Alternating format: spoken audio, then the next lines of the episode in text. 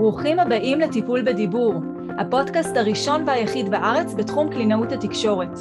אני נועה ברק, אימא לשישה מתוקים, קלינאית תקשורת התפתחותית מאז 2010, מדריכת הורים, מלווה התפתחותית, ויוצרת משחקים טיפוליים ותוכניות לשיפור הדיבור.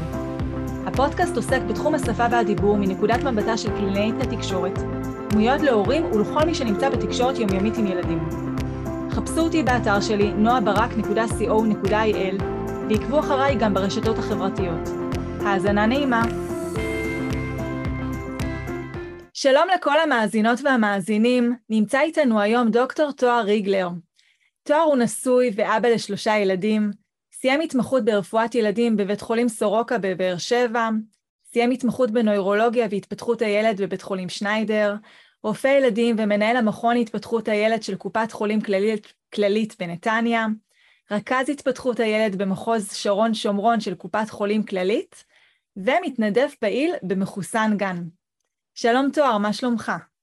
שלום, נעים מאוד, טוב נעים מאוד, מאוד להתארח פה. תודה שהגעת.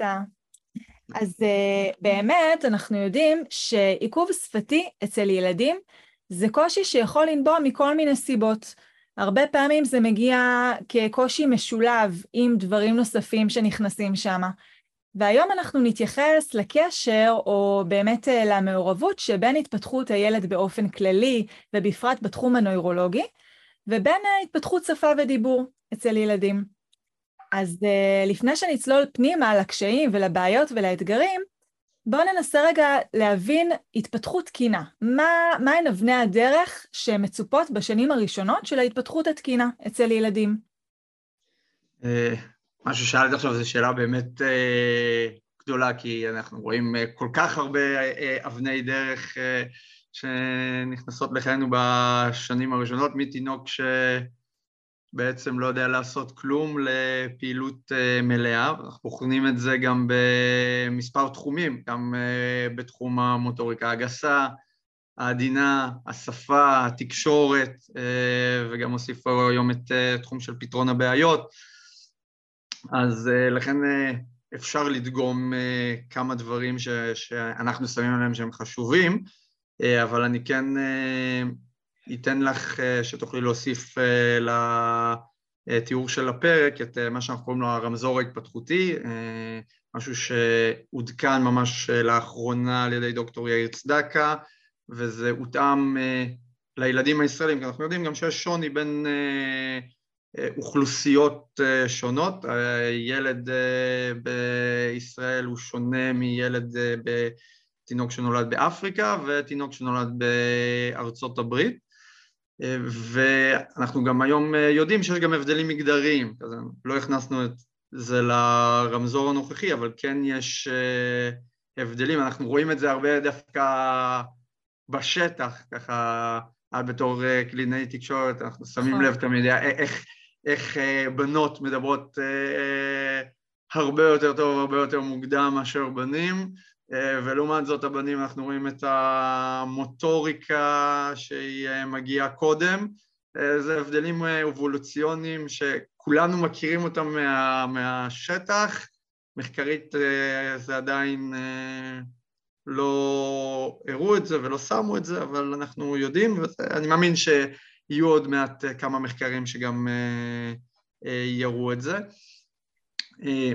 עם דברים שאני אוהב להסתכל באמת על ילדים בהתחלה, זה מאוד על הקטע התקשורתי, אז באמת על החיוך החברתי שאנחנו רוצים שהוא יגיע עד גיל שלושה חודשים, ככה שהוא יחייך, כזה אנחנו יותר אומרים כזה תמיד מתי אנחנו צריכים להתחיל לדאוג ולהגיע ל, ל, לרופא. העקיבה במבט היא כן צריכה להתחיל מהחודש הראשון כבר אה, אה, לחיים וצריכים לשים לב לזה. אה, לאחוז חפץ בשני ידיים, גם כן, כזה זה דבר ש... ולהושיט אליו יד, כזה שזה מתחיל בגיל שלושה חודשים, אם זה לא מגיע עד גיל חמישה חודשים אז כבר אנחנו אה, מתחילים אה, אה, לטפל בזה. ההתהפכות, ש... וזה זה דווקא פה ברמזור החדש אנחנו רואים בכלל את השינוי שם, כזה מאז שאנחנו אמרנו אה, להורים שהתינוק צריך לשכב בעצם, לישון על הגב כזה ולא לישון על הבטן, אז אנחנו ראינו בעצם שהילדים הזה מתהפכים יותר מאוחר עכשיו. נכון. אם בספרים שקראתי אני בהתמחות, אז אנחנו דיברנו על גיל הארבעה חודשים על ההתהפכות, אז היום אנחנו רואים שזה מתחיל בגיל חצי שנה הרבה פעמים. ואיחרנו בעצם את הגיל של ה...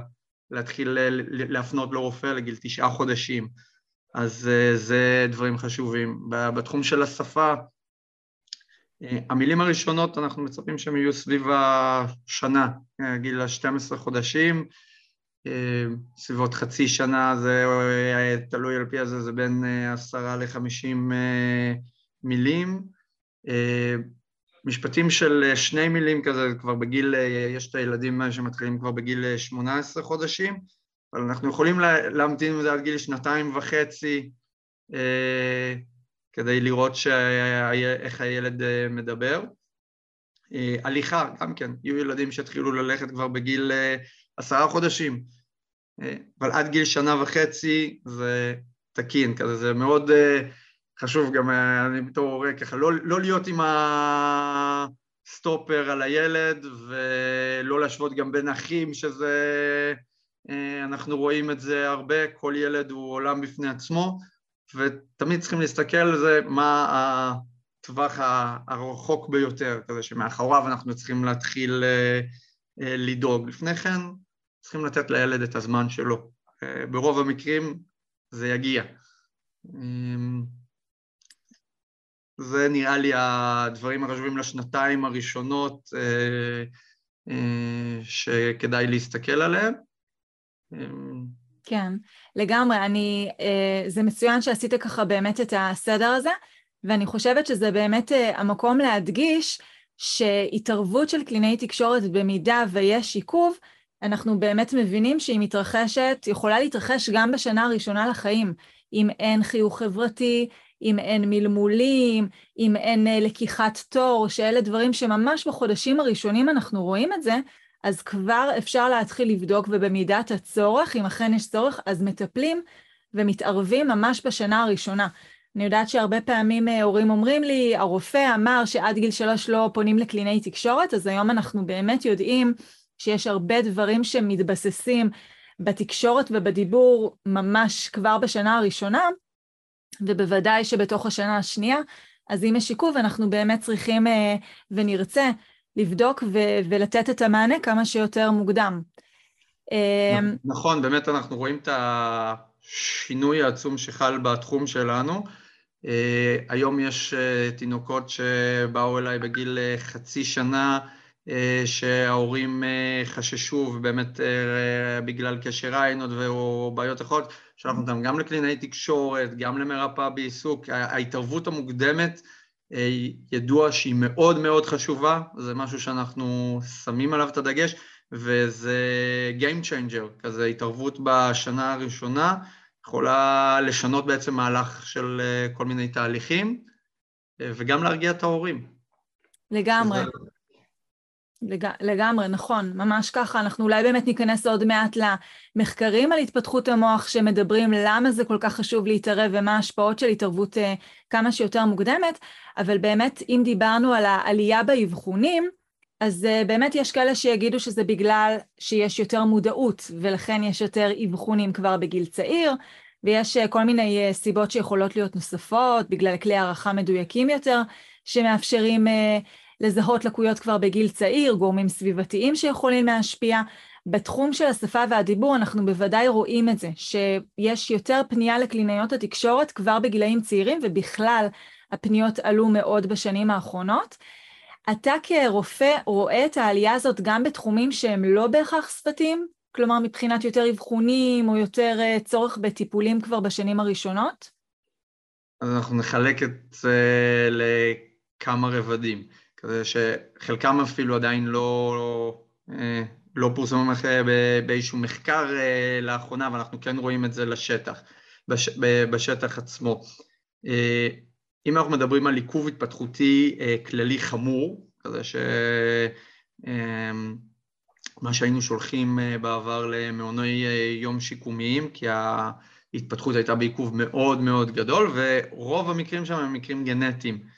אז שם אנחנו רואים דווקא ירידה בכמות הילדים, שאנחנו יכולים להסביר את זה כמעקב הריון שהוא מאוד מאוד יסודי בארץ, כל הבדיקות שעושים, אז, וגם הבדיקות שאנחנו עושים טרום ההיריון, כזה היום יש המון מחלות גנטיות כזה, ואנחנו היהודים, ובטח היהודים האשכנזיים, הביאו המון מחלות כאלה, והם כמעט נעלמו מהעולם.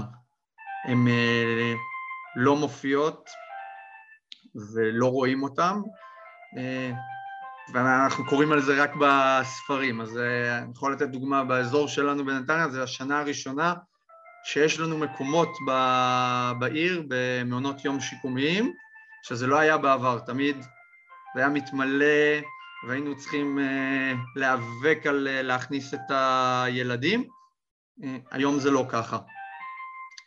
מהצד השני, וזה מחקר שפורסם לפני ארבעה-חמישה חודשים בג'אמה, יש עלייה מטאורית באבחונים של ילדים על הרצף, אם בארצות הברית כזה המחקר לפני שנתיים הראה ל-1 ל-45 ילדים, אז המחקר של השנה האחרונה הראה ל-1 ל-30, בארץ הנתונים מראים על 1 ל-80 כרגע, וזה עוד פעם, זה לא נתונים מדויקים מה שיש לנו על הארץ. זה באמת המגפה של השנים האחרונות, אנחנו מרגישים את זה גם במכונים, שזה ההתמקדות העיקרית שלנו, כזה על זה הפוקוס שלנו, אנחנו נפחנו למכונים שמתמקדים באבחונים של ילדים על הרצף, וזה פוגע אפילו בילדים שיש להם רק עיכוב בתחום אחד, כי הם הרבה פעמים נדחקים לשוליים והם מטופלים ומקבלים מענה פחות טוב בגלל כל ההפניות, ואנחנו שאנחנו לא רוצים לפספס את הילדים על הרצף. לגבי שאר העלייה באבחונים, כן יש עלייה, אנחנו רואים את זה במיוחד אחרי הקורונה, בכל מקצועות הבריאות, גם פיזיותרפיה, גם ריפוי בעיסוק וגם קלינאי תקשורת, יש הרבה יותר הפניות, הרבה יותר גם מודעות, גם של הגננות, גם של ההורים, אבל גם יש עלייה שהיא שהיא אמיתית, יכול להיות שאנחנו כש, כשהיינו יותר בגילאים שלנו לא התייחסנו לדברים האלה שהם בנורמה וראינו אותם כחלק מהנורמה והיום אנחנו יותר מקפידים, אבל עדיין כזה צריכים לראות ולטפל ויש לנו את החשיבות של הטיפול בגיל הצעיר ואנחנו עושים את זה.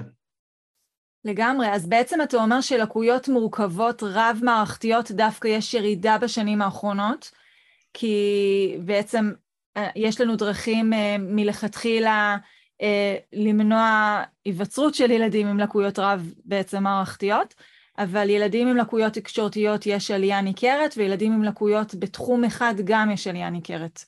כן, והתחום של.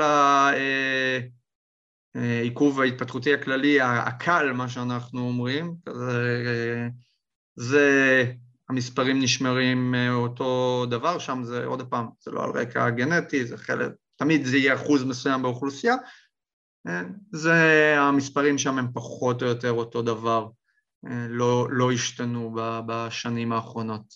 כן.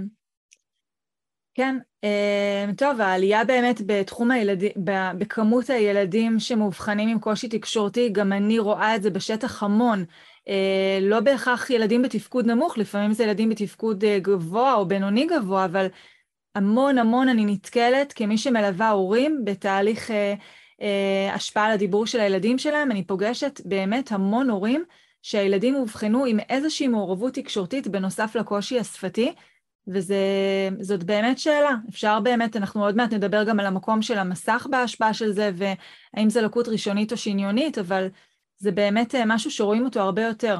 כ... אה, רוב הילדים בסופו של דבר שאנחנו רואים ומאבחנים על הרצף, הרבה אה, מהם הגיעו אלינו בעצם מהקלינאיות תקשורת. כזה ההורים, הדבר הראשון שהם נתקלים ב, ב, בילד זה שהוא אה, לא מדבר. אני רואה את זה גם בתור רופא ילדים. הם מגיעים אליך ואומרים, אה, הילד שלי לא מדבר, אה, אני רוצה הפניה לקלינאי תקשורת. ואז אם אתה שואל ומברר על הדברים האחרים שהוא עושה, על המשחק, על אה, חזרתיים, על קשיים בוויסות החושי, אתה, אז אתה מגלה שיש עוד אה, דברים, אתה רואה את הדוח גננת, אז אתה מבין שהבעיה היא לא רק אה, לקלינאי תקשורת, אלא משהו שהוא יותר מורכב, וצריכים את כל הצוות הרב-מערכתי שיאבחן את הילד.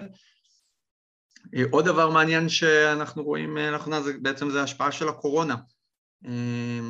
הולך לצאת אה, מאמר בחודשים הקרובים גם כן של אה, דוקטור אה, צדקה שבעצם בדק מה, מה, מה, מה, מה הקורונה גרמה לילדי ישראל.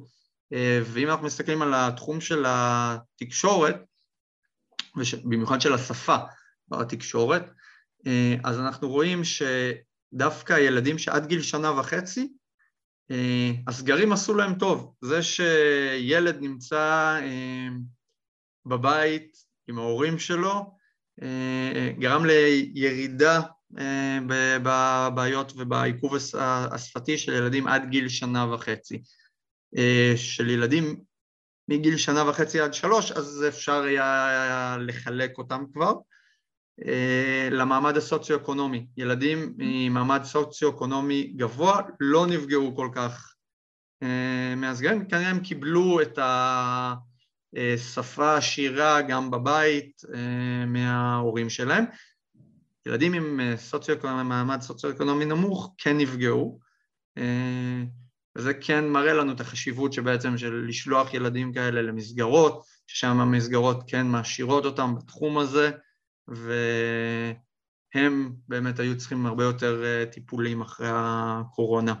נכון, אני באמת חושבת שזה גם מאוד יושב על מודעות של הורים, שזה אולי גם מתחבר במקום מסוים עם אה, יכולות סוציו-אקונומיות, או בכלל אה, הבנה של התפתחות ילד, אבל אה, הורה שמבין מה ההשלכה של מסכים, מה ההשלכות של חשיפה גדולה למסכים, או מה ההשלכות של לדבר עם ילד מגיל אפס, או אה, דברים כאלה, אז הוא יכול יותר במודעות לתת לילד אה, אה, את מה שהוא זקוק לקבל כבר בגילאים הצעירים. אבל הורה שפחות מבין את ההשלכות של זה, או שפחות מתאפשר לו, והילד נאלץ בגלל הקורונה להיות שעות ארוכות מול מסך, אז, אז זה מתבטא, אנחנו רואים את זה מתבטא בהתפתחות שלהם.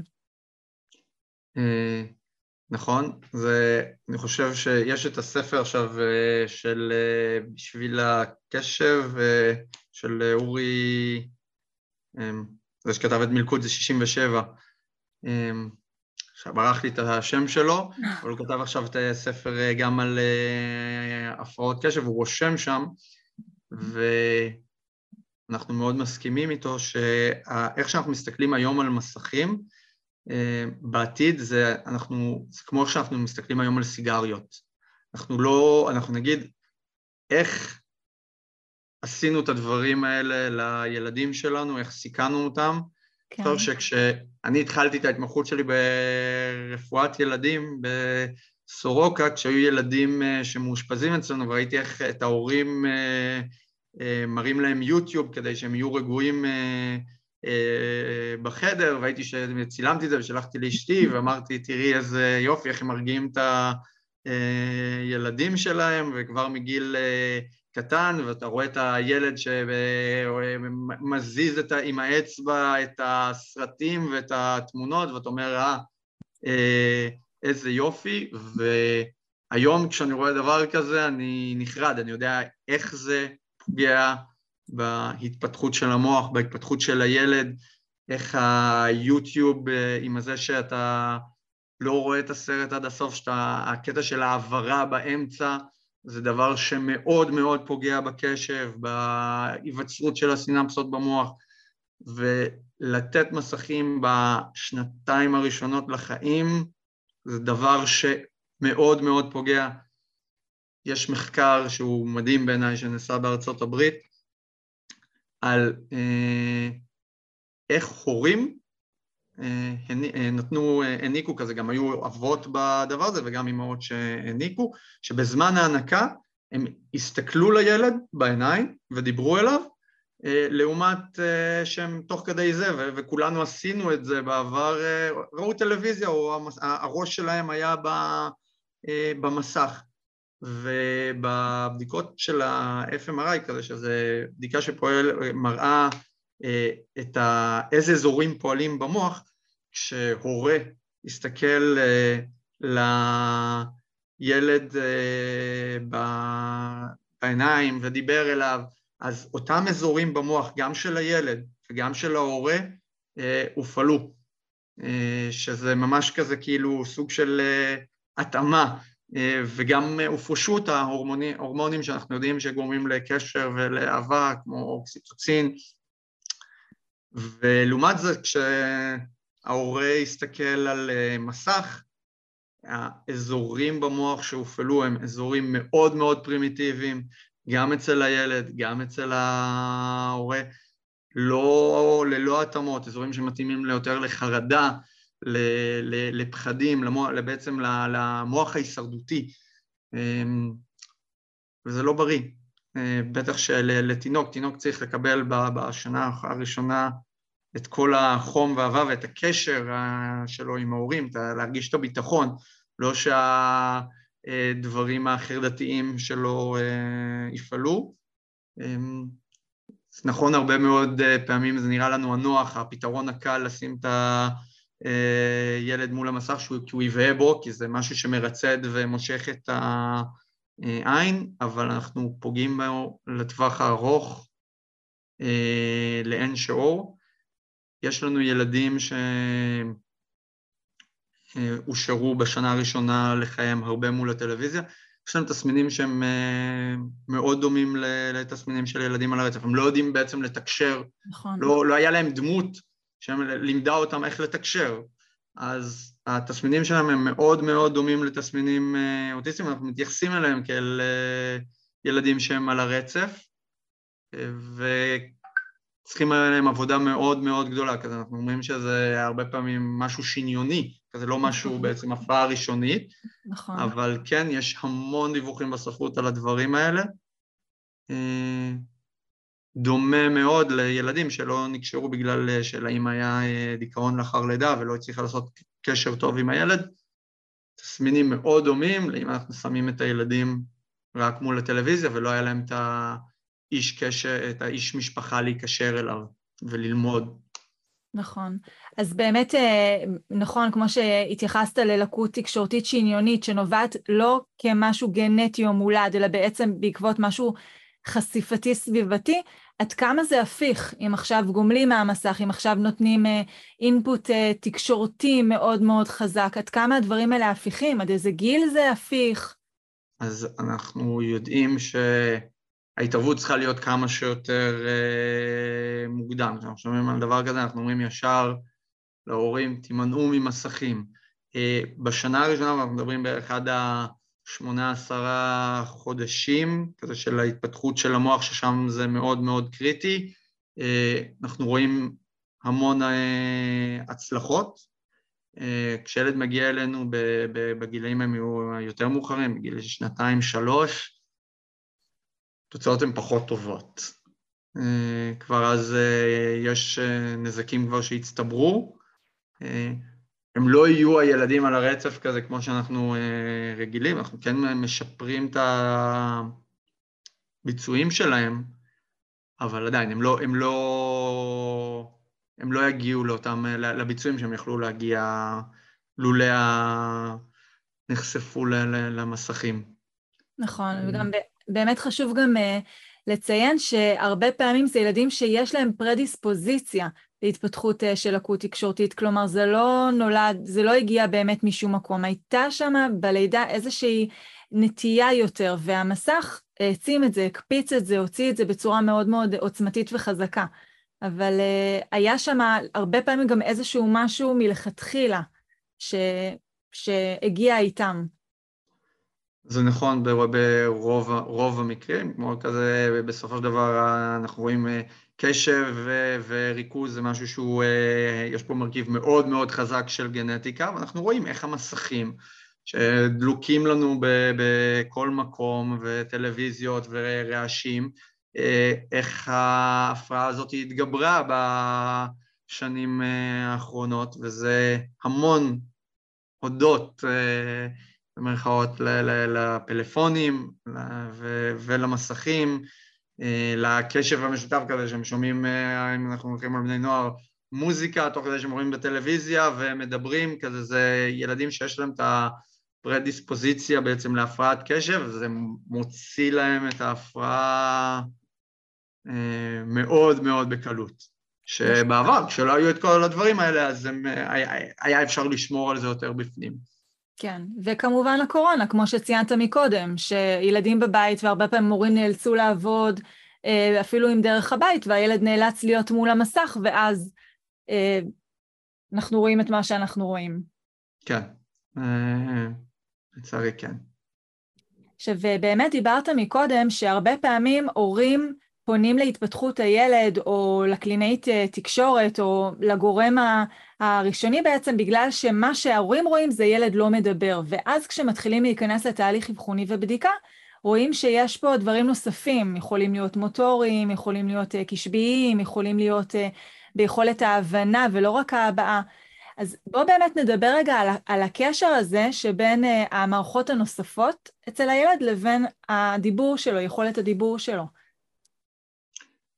זה נתחיל עם זה שנגיד אם אנחנו לוקחים את העיכוב ההתפתחותי הכללי, כזה כשאנחנו רואים ילד שהגיל הכרונולוגי שלו הוא אה, שנתיים, אבל הוא מתפקד ברוב התחומים שלו בגיל, אה, בגיל שנה, כלומר הגוף שלו מתפקד כאילו הוא ילד בן שנה, אז ברור שהעיכוב שלו יהיה לא רק בתחום השפתי, אלא יהיה גם בתחום של המוטוריקה, של התקשורת ושל כל שאר הדברים שאנחנו, שהוא עושה, אפילו לפעמים גם במוטוריקה הגסה. כשאנחנו רואים עיכוב בכמה תחומים, זה, זה פעמים שאנחנו פח, פחות אוהבים. אנחנו כזה, שיש פגיעה קצת יותר נרחבה בתוך המוח.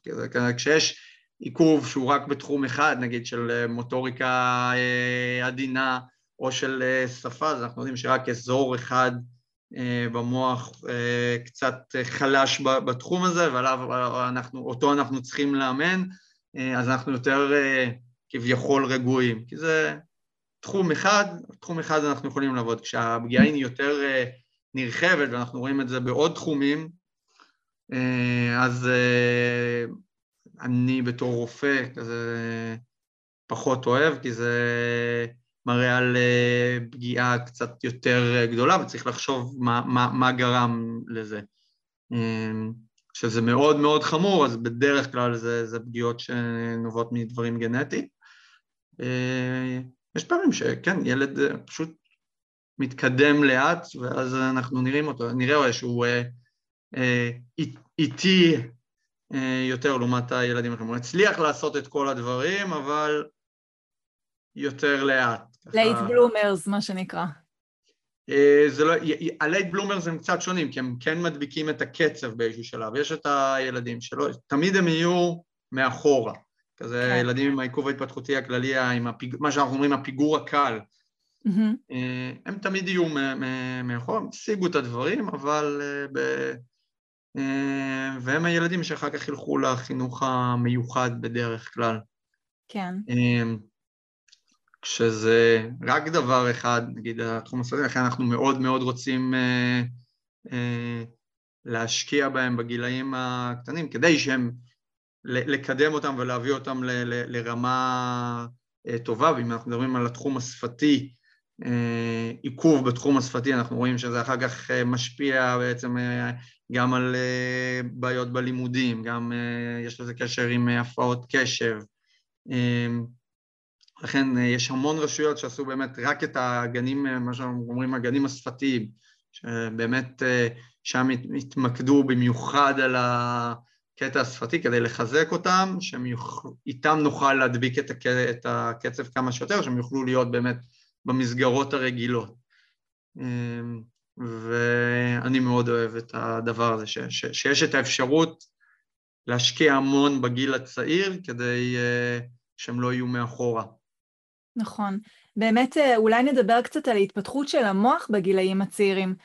על, ה, על השוני בהתפתחות המוחית, על ה, אה, התקופה הקריטית מבחינת גדילה מואצת, ו, ושזאת בעצם אחת מהסיבות העיקריות למה ההתערבות צריכה להיות כמה שיותר מוקדם. אה, כשמדברים על ההתפתחות אה, של המוח, ככה המוח שלנו אה, ממשיך לגדול, האמת היא יש מחקרים שעכשיו מראים שזה הוא גדל ומתפתח אפילו עד גיל 18-21, המחקרים הקודמים דיברו עד גיל 6, אבל כן יש את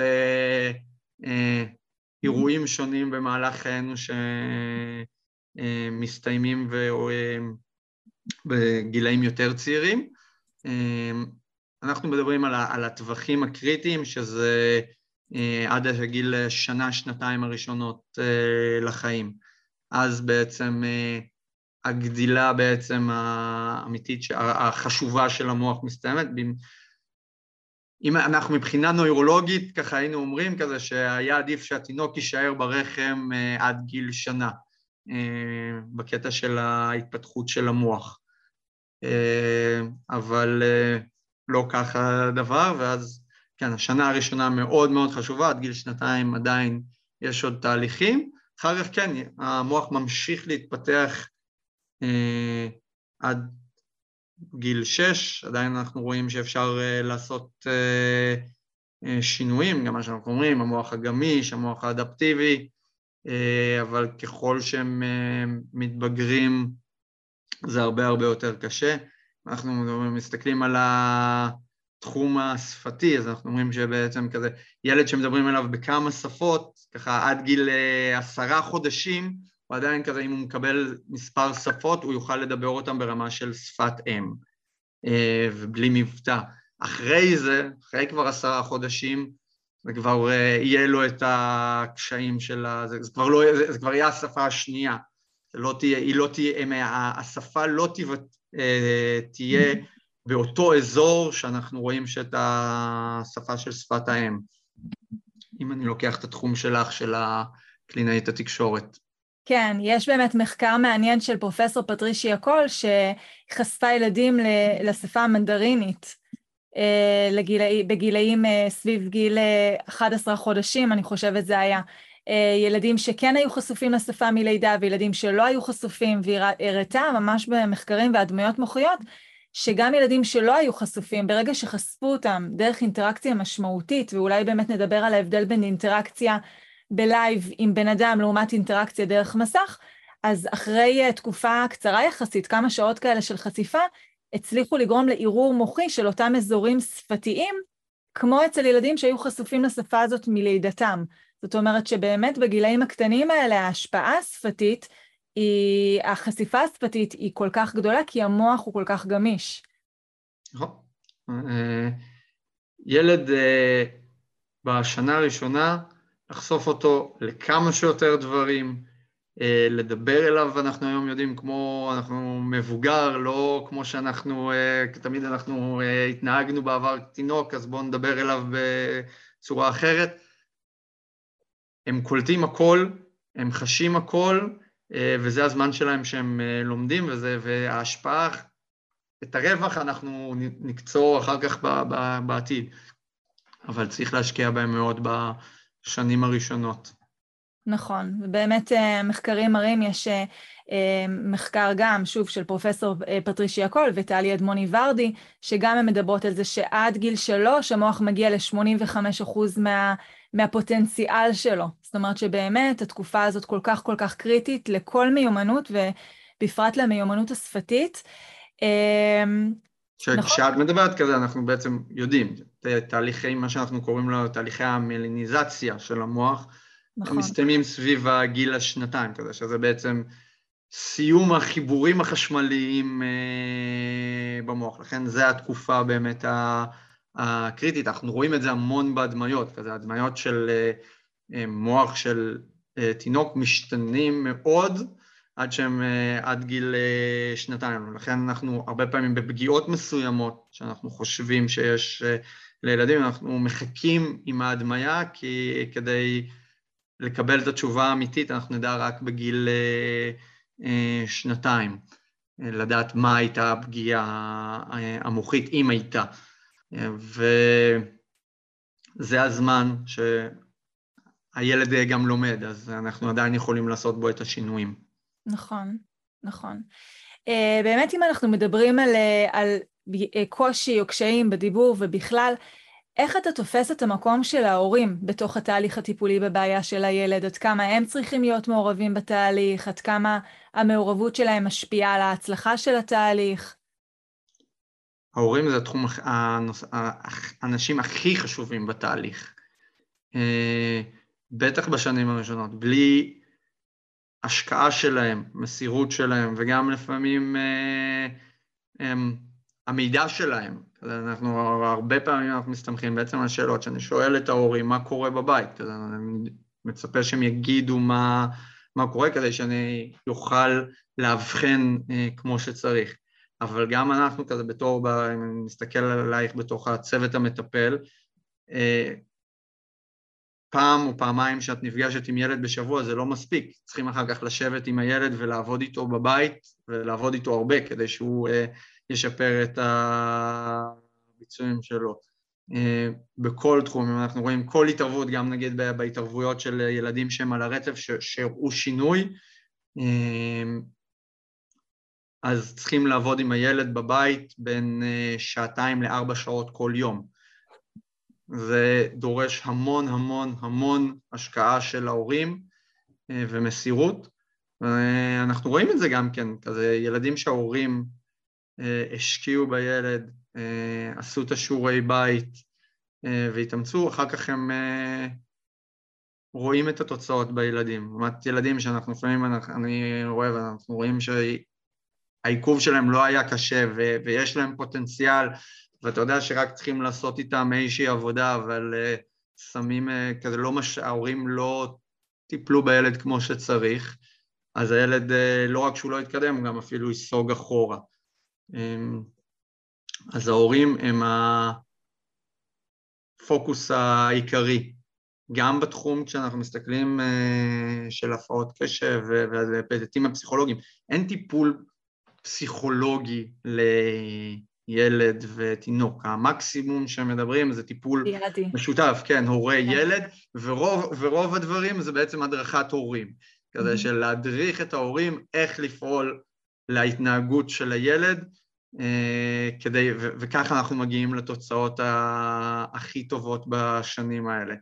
אז ההורים זה המקום הכי חשוב והכי משפיע אה, על הילד בשנים הראשונות לחייו. נכון, אני, אני באמת כמובן אה, מאוד מאוד מחזקת את מה שאתה אומר, אני פועלת בעצמי ככה בשנים האחרונות, שאני מתמקדת בהורים כסוכני השינוי המשמעותיים אצל הילד, ואני באמת רוצה לחזק ולהגיד שזה לא תמיד אפילו צריך להיות ברמת העבודה או השיעורי בית כמו שאנחנו תופסים את זה כלשבת ליד שולחן ולתרגל משימות. זה משהו שהוא מאוד נכנס כחלק מהיומיום. זה למעשה לרכוש כהורים הרגלים נכונים יותר לתקשורת ודיבור עם הילדים. כי שפה זה משהו שקורה איתנו לאורך היום בכל סיטואציה משותפת עם הילד, בין אם זה כשאני מקלחת אותו, מכינה ארוחת ערב, או אפילו מקפלת כביסה בסלון. ואם אני יודעת כהורה לנצל את הזמן הזה ולדבר איתו בהתאם למה שהוא זקוק כרגע, בהתאם לרמה השפתית, בהתאם לחלק השפתי שאני רוצה לקדם אצלו, אז אני גם לא מרגישה כרגע שאני עובדת מאוד קשה כהורה, כלומר מבחינת אה, איזה שהם תרגילים קשים שאני עושה, ובעיקר מהמקום של הילד, הוא לא מרגיש שהוא בתהליך דידקטי, הוא לא מרגיש שעכשיו הוא עובד או לומד, הוא בתהליך מאוד טבעי מבחינתו, תהליך שהוא יומיומי בבית שלו, בפעילות שהוא מכיר, אבל האינפוט השפתי שהוא מקבל עכשיו הוא מותאם באמת למה שהוא זקוק לו כדי להתקדם בדיבור. אז נכון. זה משהו שהוא באמת יכול להיות מאוד מאוד מונגש, אם עושים אותו נכון. זה, זה התפקיד שלנו בתור הורים, ככה אנחנו, כל, כל אינטראקציה שלנו אה, עם הילד, להשתמש בה כדי אה, גם אה, ללמד אותו, גם שזה על הדרך. אה, את נכון. הדברים שאת אומרת, זה בעצם מה שאנחנו עושים הרבה פעמים בגנים של החינוך המיוחד, שכזה שכל אינטראקציה של, עם הילדים במהלך היום, זה בעצם זה אינטראקציה לימודית, כזה נכון שמכניסים בזה אה, את הכיף, אבל זו אינטראקציה שחשבו עליה, איך ללמד אותם ואיך אה, אה, לשפר להם בעצם את הידע, מה שאנחנו אמורים לעשות בעצם בתור הורים אה, באופן טבעי, אז לילדים שעם העיכוב אז צריכים לעשות את זה לפעמים בתוך המסגרת. נכון, נכון. טוב, תודה רבה. היה מרתק וחשוב, ובאמת אה, חידד דברים מאוד מאוד חשובים. ככה לפני סיום, יש איזשהו משהו נוסף חשוב שהיית רוצה למסור להורים, לאנשי המקצוע שמאזינים לנו? אה, דבר כזה, אני בתחום ש... כמו שלך, של מאוד בחוסר, אה, ומרגישים את זה, כזה זמן ההמתנה אצלנו לבדיקה של רופא התפתחותי זה שנה וחודשיים היום. יואו, יואו. זה שגורם ל- לילדים באמת עם הפגיעות הקלות, כזה שאנחנו נאלצים לדחות אותם, ואני רואה את ה... כל ילד הוא עולם ומלואו, אה, וכל ילד אה, יכול להרוויח ממפגש אה, עם מאבחן, שיכוון אותו לקבל את הטיפולים כמו שצריך, ואני מרגיש שאני דוחה את הילדים עם הדברים הקלים, ובעצם אני, אנחנו פוגעים בהם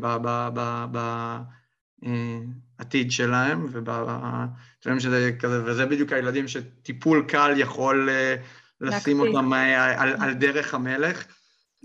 וזה כשאני אומר קל, לפעמים המשפחה עצמה ככה אה, סובלת המון בתוך הסיטואציה ולא יודעת אה, מה לעשות, ו, ו, ובאמת מפגש איתנו יכול להיות אה, משנה מציאות. אבל זה, זה לצערי המצב, אז אני מקווה מאוד שהיה תוכנית בממשלה הקודמת להשקיע בהתפתחות הילד, כי בתור הבנה שיש, שהשקעה בשנים הראשונות לחיים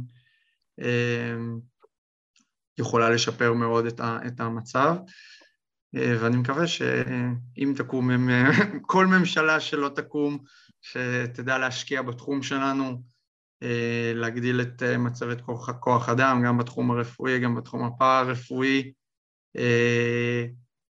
אם ישקיעו בנו משאבים זה, זה אפשרי, ואנחנו אנשים שנותנים הרבה לילדים, אבל אנחנו הרבה פעמים לא נספרים. זה היה רק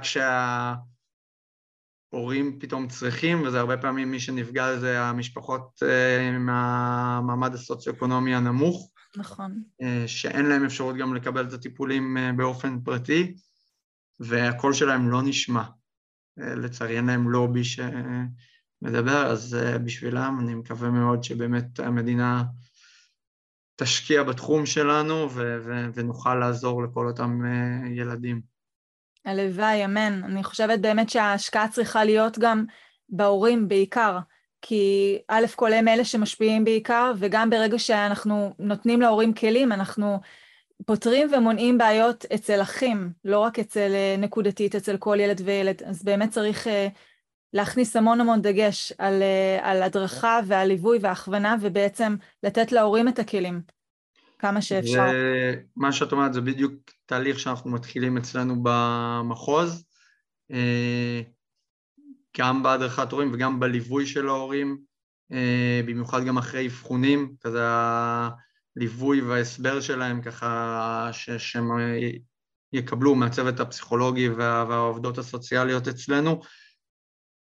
אנחנו מבינים שהם המקור להצלחה של הילד, ואם אנחנו ניתן להם את הכוח, במיוחד אחרי אבחונים, שה, שה, שהמצב ככה, הרבה פעמים ההורים, יש להם את הדאון ככה של הבשורה הקשה, שהם לא, לא ציפו לקבל אותה, או שהם ציפ, כזה ציפו, אבל לא כזה פתאום שמו להם את האמת בפנים, אז זה המקום שלנו להרים אותם, לחזק אותם ולגרום להם להבין שהם הם, הם בעצם הכוח לילד של לקדם, ואנחנו רואים איך הילדים מתקדמים אחרי אבחונים קשים ככל שיהיו, הורים שנרתמים, יש תוצאות.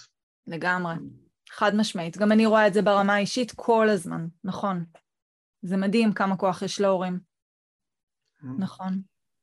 אז שוב... תודה שאירחת אותי. תודה רבה לך שהגעת. תודה שהאזנתם לעוד פרק בפודקאסט טיפול בדיבור. רוצים לעזור לילדים שלכם לדבר טוב יותר כבר עכשיו? שילחו הודעה לנייד 050-769-4841 ואולי נדבר בקרוב.